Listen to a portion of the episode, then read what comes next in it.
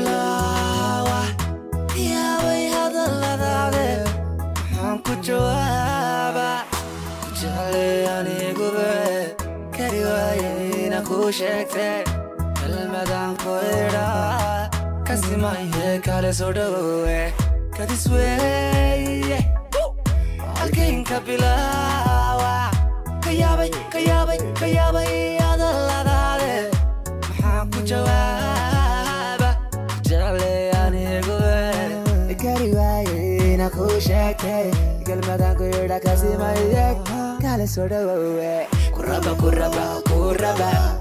Kuraba, kuraba, kuraba. Kuraba, naguba, kuraba. Falaftaroonayada kuraba. Kuraba, kuraba, kuraba.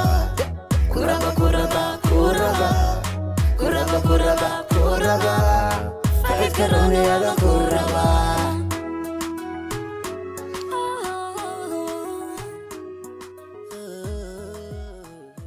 magacyada sheekadan ku jira ma aha kuwii saxda ahaa waxaana loo bedelay si loo dhowro cidda ay khusayso. Sidan ayay ku bilaabmaysaa. Digtoorkii bajaajta waxaan dhegaystay barnaamijkii tafaaxii aan tirsaday ee codka ubax. Way dhacdaa in qofku la kulmo qof ay naftu ka raacdo dibna aanay u kulmin. Qisadaasi waxay soo xasuusisay mid aniga igu dhacday. Nin bajaaj ila raacay ayaa i dhex qaaday habeen ayaan ku raagay saaxiibaday oo aan booqasho ugu tegay. Goor dambe ayay ahayd. Waa wakhtiyada aanay badnayn. Se dirqi ayaan bajaaj ku helay. Waxa waday nin qiyaastii soddonka kor u dhaafay oo furfuran roob yar ayaa tiixayay. Dhaxantuna waxay ahayd nooca ku dareensiisa tayada maryaha aad maanta dhan ku xaragoonaysay anigoo la yaaban inaanay cid kale oo ila raacda waddooyinka taagnayn ayuu ninkii mar keli ah joogsaday anigoo dhexmoonaya ayaan ku idhi walaal waa dhaxani maxaad u joogsatay? Wuxuu yidhi walaal qofaa gacanta ii taagay ee iyar sug maan garan karayn nin iyo gabadh waxa uu ahaa. Se markii uu soo dhowaaday ayuu cadarkiisu i qaatay. Dhaxantii oo aad mooddo inay iga duushay ayaan eegay qofkan udgoon. Anigoo madaxa kala dhacaya bajaajta. Waa nin aad mooddo in layla sugayay caawa dhan. Garan cad ayuu xidhnaa. Malaha dhaxantu maba karta isaga. Midabkiisu casaan caddaan xiga ayuu ahaa garhka si wacan oo aan jeclahay ayuu u soo goostay. Madaxa ayaan deg deg ula soo noqday anigoo wax kale oo aan dhaxan ahayn dareemaya. Haddaba inankii waa kan oo uu soo koray bajaajtii yaa la hadlaya. Gabadhu si kasta oo ay u rabta ninka way ku adag tahay dhaqankeena inay la hadasho ninay ka heshay. Urtaas uun anuugo telefoon ayaa u soo dhacay. Wuxuu weydiiyey xilliga ay ciyaartu soo dhacayso. Waxaa kale oo uu yidhi haye guriga ayaan jaakad ka soo qaadanayaaye waan imanayaa in yar kadib baa ii joog ayuu yidhi. Naxdin weynaa. Dirawalkii ayay dhowr weedhood isu idaarsadeen. Weedho ay fahmayaan uun dadka saadka isticmaalaa. Ma iga haysaa iyo haa ayay ku kala tegeen. Markii uu naga degay ayaan sidaa u sii eegay. Ma qaban kartid ma joojin kartid waxba ma odhan kartid. Wacnaan lahayda annagoo isbaranna caawa. Jawigaa deggan oo uu magaciisa ii sheego. Anna aan kayga kaga beddesho. Wacnaan lahayda annagoo ku kala tagnaa. Waynu soo wada xidhiidhaynaa laakiin may dhicin waayo aniga uunbay igu koobnayd. Weli ismaan dhiibin weligiiba isma dhiibin gaar ahaan marka aan sidan oo kale wax weyn oo rabo maskaxdu qalbiga ayay daba gashaa. Fikir ayaan keenay. Inanku saad ayuu lacagta ku diray. Taasoo ka dhigan dirawalku wuxuu hayaa lambarkii inanka. Haddaba waa inaan lambarkaa ka helo dirawalka ninkii ayaan tab iyo xeelad isugu daray si aan lambarka uga helo. Kollay nin weyn ayuu ahaayo wuu ii fahmay.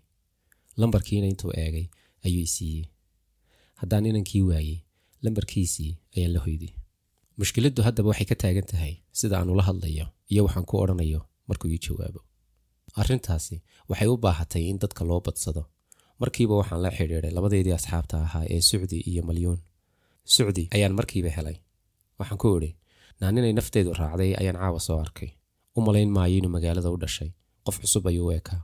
Naa walaal sucdiyey sideen ku helaa way igu qosashay dhowr jeer anna intaas uunbaan ku celceliyaa markii dambe ayay igu tidhi naade anigu xaggee ninka ka keena orod iga tag taleefonka iga mashquulin khad baan ku jiraayay waan uga baxay waxase iga bixila dareen aanan garanayn sida uu ku samaysmay oo xoog weyn maskaxdaydu inankii uunbay ka fikiraysaa way iigu soo celcelinaysaa malyuun ayaan haddana la hadlay in yar kadibna meel baannu isugu nimid khadka oo aanu ka wada hadalnay saddexdayadii ninkii iyo tilmaamihiisii ayaan uga warramay inuu wax kale ahaa ayaan u sheegay sucdi ayaa tidhi naa ninku haddii uu halkaa ku degay adna adiga le hore umaan arkin oo magaalada uu ku cusub yahay. Wuxuu noqon karaa dhakhaatiirta magaalada ee degan xaafadda halkaas ee jidka ku soo jeeda.